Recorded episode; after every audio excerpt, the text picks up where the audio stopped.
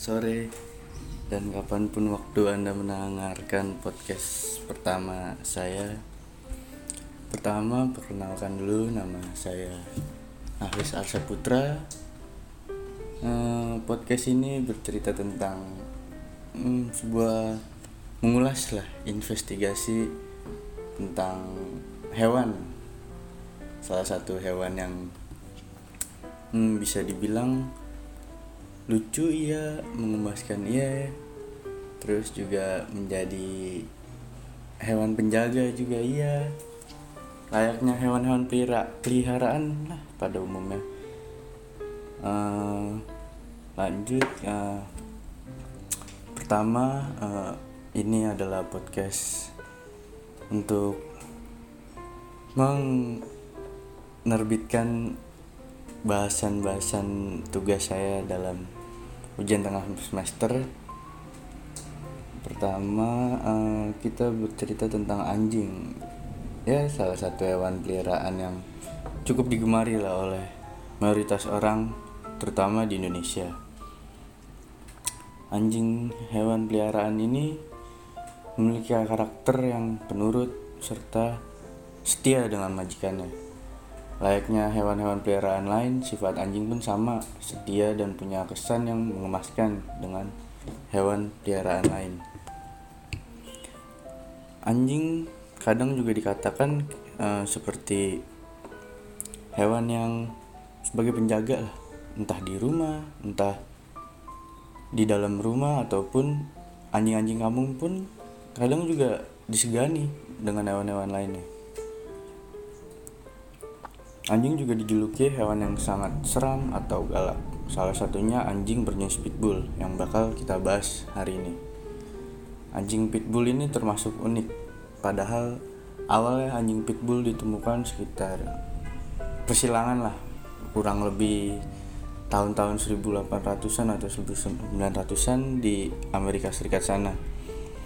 Anjing pitbull ini merupakan ras persilangan antara anjing terrier dan anjing bulldog. Anjing terrier kita saya mengulik atau meriset lah tentang anjing terrier ini ternyata cukup unik. Anjing terrier itu uh, menggabungkan antara mentalnya dia yang kuat serta uh, cara-cara dia seperti berolahraga, memiliki tubuh yang atletis, sedangkan bulldog jiwanya yang tangguh serta melatih kecepatan ataupun kelincahan dari anjing tersebut. Jadi uh, tujuannya penggabungan ini untuk menggabungkan lah antara sisi dari bulldog yang memiliki kekuatan dan terrier yang memiliki kecepatan dan kelincahan.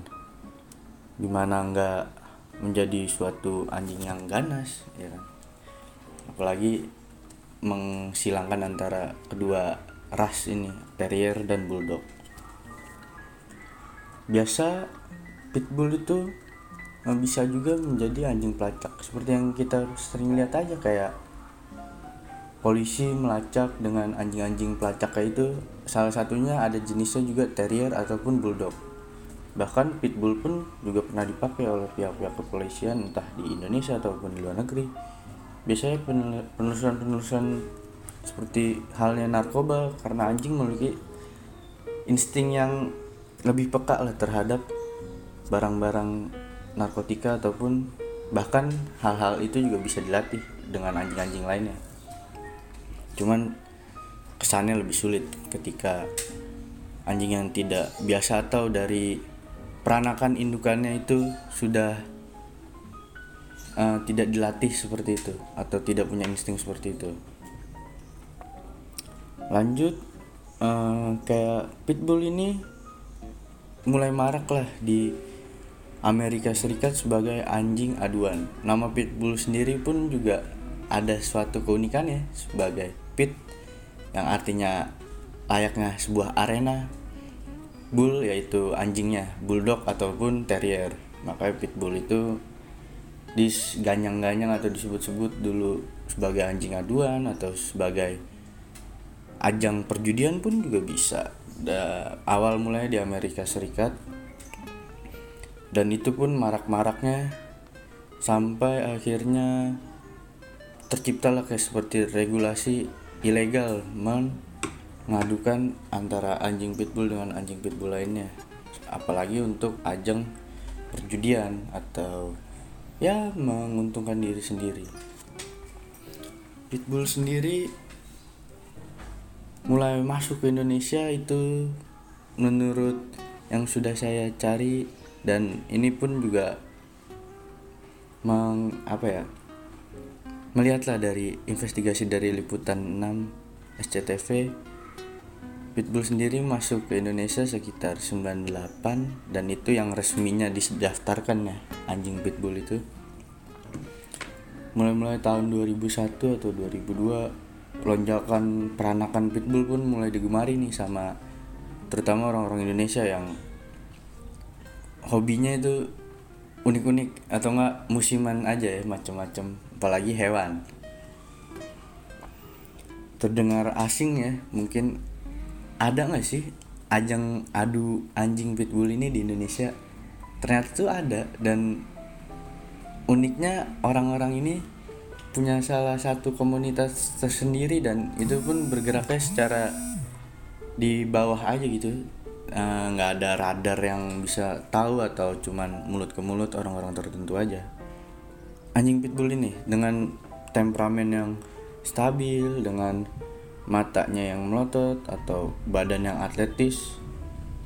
Anjing pitbull juga ternyata itu sebagai hewania yang pada umumnya aja dan harus disayang harus dikasih makan harus di punya kesejahteraan lah sebagai hewan itu untuk tidak menik merasakan rasa takut ataupun terancam dan segala macam terdengar asing kan mungkin kayak adu tarung pitbull. Ternyata ada di Indonesia dan itu pun digadang-gadang dengan cara untuk sebagai kesenangan ataupun untuk sebagai ajang taruhan atau bahkan berjudi antara pemilik-pemilik dari anjing pitbull ini. Hal ini mulai terusung lah. Tahun 2011 mulai tercium lah marak terjadi tuh arena tarung pitbull. Biasanya di kota-kota sudut, kota-kota besar tapi bagian sudut-sudut kotanya saja yang tidak tercium lah oleh pihak-pihak berwajib ataupun orang-orang sekitar. Uh, anjing pitbull ini juga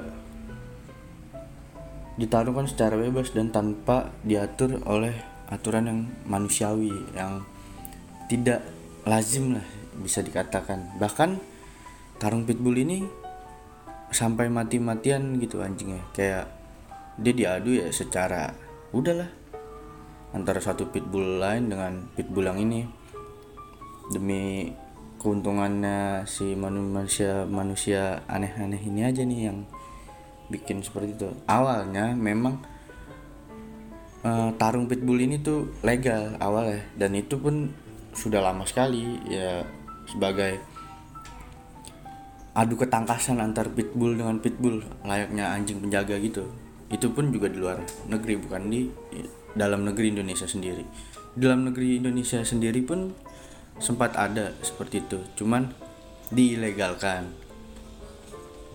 Walaupun anjing pitbull itu anjing yang untuk bertarung untuk uh, apa ya untuk menjaga ya untuk bertarung tetapi anjing pun juga kita yang mengontrol sebagai pengguna eh pengguna. Maksudnya sebagai ownernya atau pemilik anjing tersebut. Tanya itu ternyata pertarungan adu anjing pitbull ini di Indonesia, di Indonesia sendiri komunitasnya itu lumayan banyak pengikutnya. Pada 2011-2012 silam pada saat zamannya itu aja. Ya hal ini saya ketahui dari reportase Lipun SCTV Sigi ya.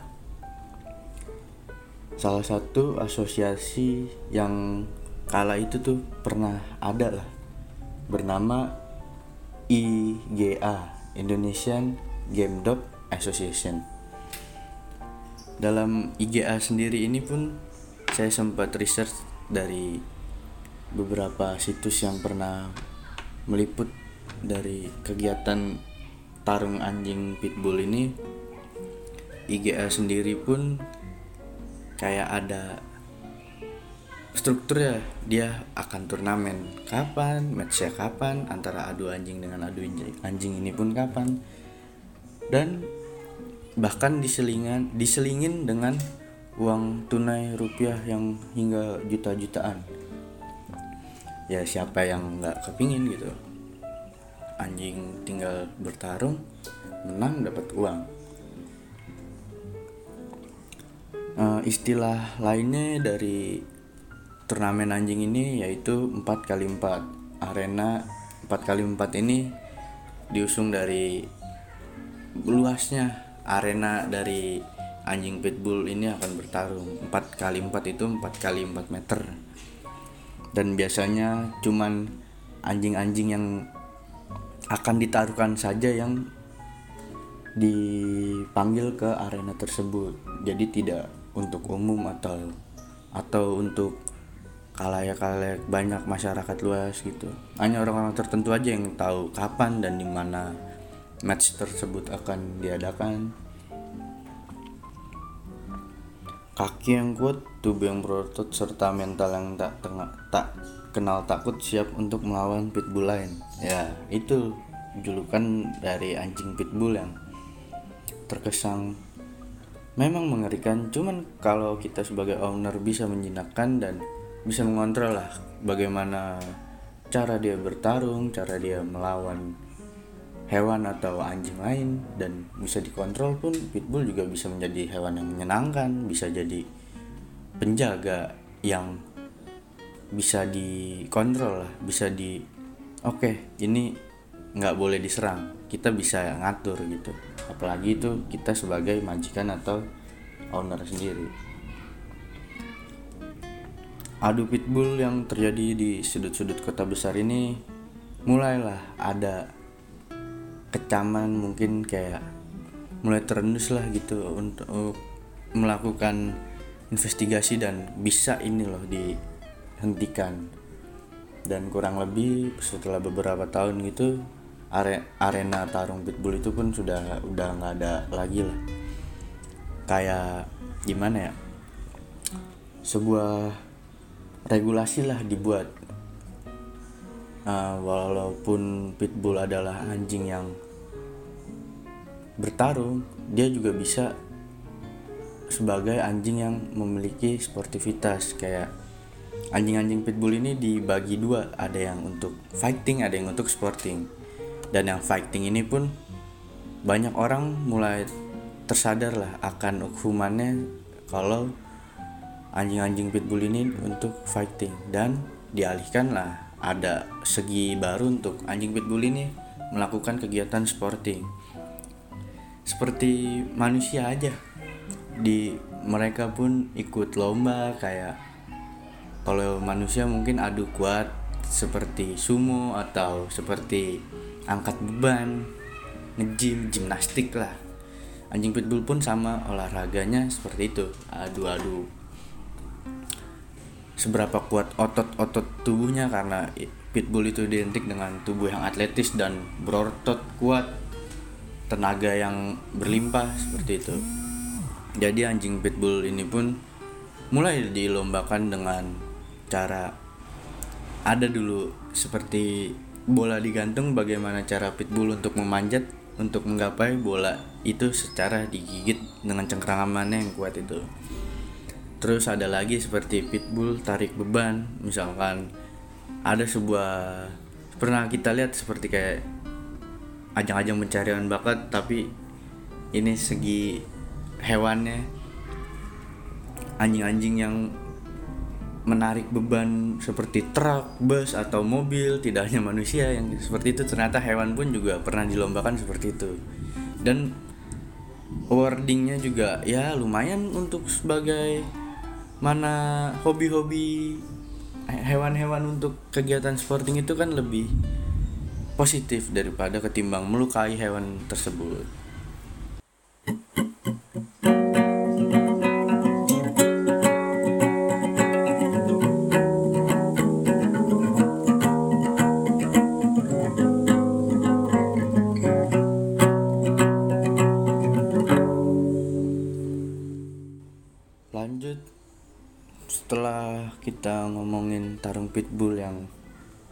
Seram dan aneh terlihat jadi terutama di Indonesia. Tarung pitbull ini pun juga nggak dibenarkan oleh siapa pun. Entah itu aktivis hewan entah itu masyarakat-masyarakat di luar walaupun penggemar anjing bahkan. Dalam segi ini hewan juga memiliki rasa walaupun anjing pitbull memang bermental layaknya memburu ataupun bertarung kita sebagai maksudnya owner dari pemilik anjing atau majikan anjing pitbull ini bisa diajarkan untuk mengontrol segala kebuasannya. Di samping pertarungan pitbull yang gila ini para penggiat aksi tersebut kian mereda setelah adanya peraturan yang jelas terkait animal abuse. Untuk saat ini mungkin animal abuse masih terasa klise bagi beberapa orang yang tidak mempunyai hewan peliharaan mungkin. Ataupun sekedar tahu aja oh animal abuse kita nggak boleh nyakitin uh, hewan gitu. Ya sekedar tahu itu aja kan pasti. Untuk orang-orang umum. Uh, beberapa nggak beberapa tahun silam lagi sih. Ternyata tahun 2018 17 sampai dari tahun 2017 hingga tahun 2019an mulai marak lagi. Masih di seputaran peranjingan. Ternyata ada hal-hal baru lagi nih. Seperti cara alternatif lah bagi para petarung atau suka hobi adu anjing ini. Uh, apa ya event bukan event sini seperti kayak kultur baru sih budaya baru di Jawa Barat bukan mungkin ini sudah lama cuman baru menjadi kegiatan yang rutin dari masyarakat Jawa Barat itu adu bagong namanya atau dugong. Ini saya lansir dari penelusuran penelusuran investigasi Vice yang adu bagong ini mengadu lah anjing-anjing pemburu dengan babi hutan atau biasanya disebutnya oh, dari orang Sunda itu ya bagong atau semacam itulah babi hutan intinya. Jadi anjing-anjing ini tuh sebagaimana dia menjaga lah. Misalkan di Jawa Barat masih yang lingkungannya berkebun dan anjing-anjing ini pun di menjaga lah dari uh, merusaknya kebunnya dari si penyerangan si babi hutan ini. Masuklah ke pekarangan-pekarangan kebun-kebun itu merusak tanaman ataupun makan-makan sembarangan itulah. Jadi anjing-anjing ini pun punya apa ya punya fungsinya lah di dalam masyarakat Jawa Barat ini yang saya lihat. Dan dari acara eh bukan dari dari adu bagong inilah mulai terbentuk kultural baru seperti bagaimana setiap adu bagong ini menjadi kegiatan hiburan lah bagi para masyarakat Jawa Barat terutama daerah-daerah Kabupaten Bandung, Garut, Sumedang atau bahkan Pangandaran gitu punya lah kegiatan adu bagong ini adu bagong ini marak lah menjadi hiburan warga atau masyarakat di Jawa Barat. Uh, akhir-akhir biasanya itu diadakan saban hak akhir pekan atau setiap akhir pekan aja gitu. Hari Sabtu Minggu entah jadwalnya itu siang. Jadi sistemnya seperti kayak kita sebagai pemilik anjing buruan ini untuk memburu-buru gitu uh, punya kita regis dulu gitu. Regis 50.000 mendaftarkan anjing kita sebagai adu ajang adu tangkasan dan kekuatan anjing kita itu semana. Nah disiapkan lah tuh di dalam ring juga tuh seperti yang adu pitbull gitu cuman ini ringnya lebih besar 20 kali 10 meter apa kalau nggak salah. Jadi anjing-anjing itu pun diadu lah dengan si babi hutan ini. Bagaimana cara anjing itu menerkam menggigit atau bahkan bisa mematikan babi hutannya sendiri pokoknya diadu lah itu. Mungkin bagi beberapa orang menjadi pelatihan lah bagi anjing-anjing ini untuk bisa melawan babi-babi hutan yang sebagaimana dia diajak untuk pemiliknya untuk berburu ataupun untuk segala macam. Cuman tidak dibenarkan sebagai ajang untuk hiburan bagi orang-orang setempat. Sebagaimana hewan tersebut hewan pun juga walaupun itu babi hutan sendiri hewan liar. Cara manusia memperlakukan babi hutan seperti itu juga tidak sesuai lah dengan kesejahteraan satwa. Salah satunya bebas dari rasa takut kesakitan entah ancaman. Ini bukan tradisi yang baik dan ini juga bukan hiburan. Itu juga salah satu kutipan yang saya lihat yang saya baca dari aktivis hewan. Meski begitu pro kontra tetap ada.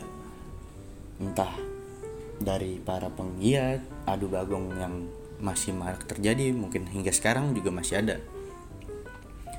Ajang melatih anjing yang menjadikan adu bagong ini melatih anjing-anjing mereka jadi untuk seperti lebih kuat, lebih tangkas, lebih atletis, lebih berotot, lebih punya impact terhadap babi hutan lain gitu seperti yang akan dia pakai untuk berburu lagi anjingnya.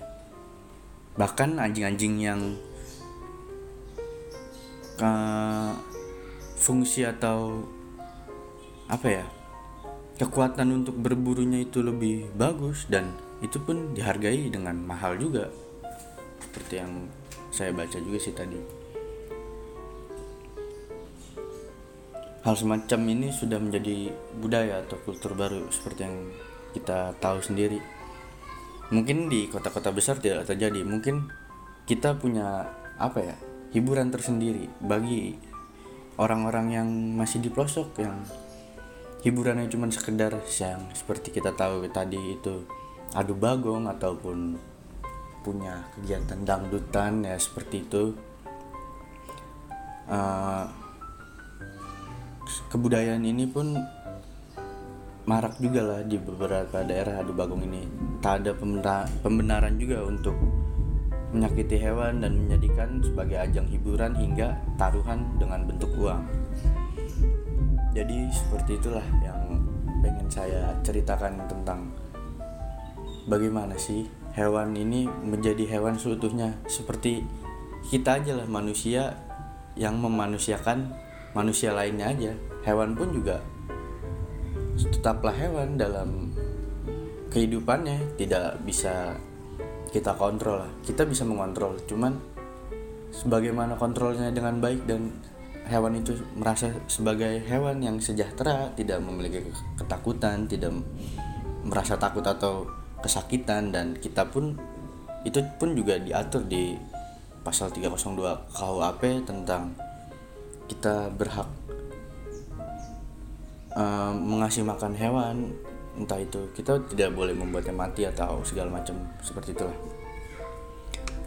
Uh, terima kasih mungkin se sedikit lah saya bercerita tentang adu bagong serta adu pitbull yang pernah terjadi di terutama di Indonesia.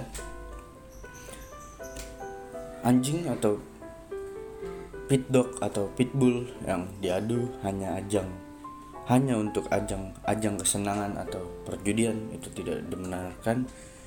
Dan sampai sekarang pun mungkin masih ada yang melakukan hal seperti itu agar uh, halnya mereka kan orang yang bergerak di bawah radar atau underground. Kita tidak bisa mencari atau menuduh-nuduh. Hanya menunggu kesadaran dari para gladiator atau petarung-petarung hewan berkaki empat ini untuk sadar lah untuk tahu bagaimana hewan itu pun juga hewan. Terima kasih ya mungkin sekedar podcast iseng-iseng atau untuk memenuhi tugas saya. Selamat siang malam sore dan tetap sehat dan selalu berpikir positif dan melakukan hal-hal baik saja lah. Terima kasih. Terima kasih.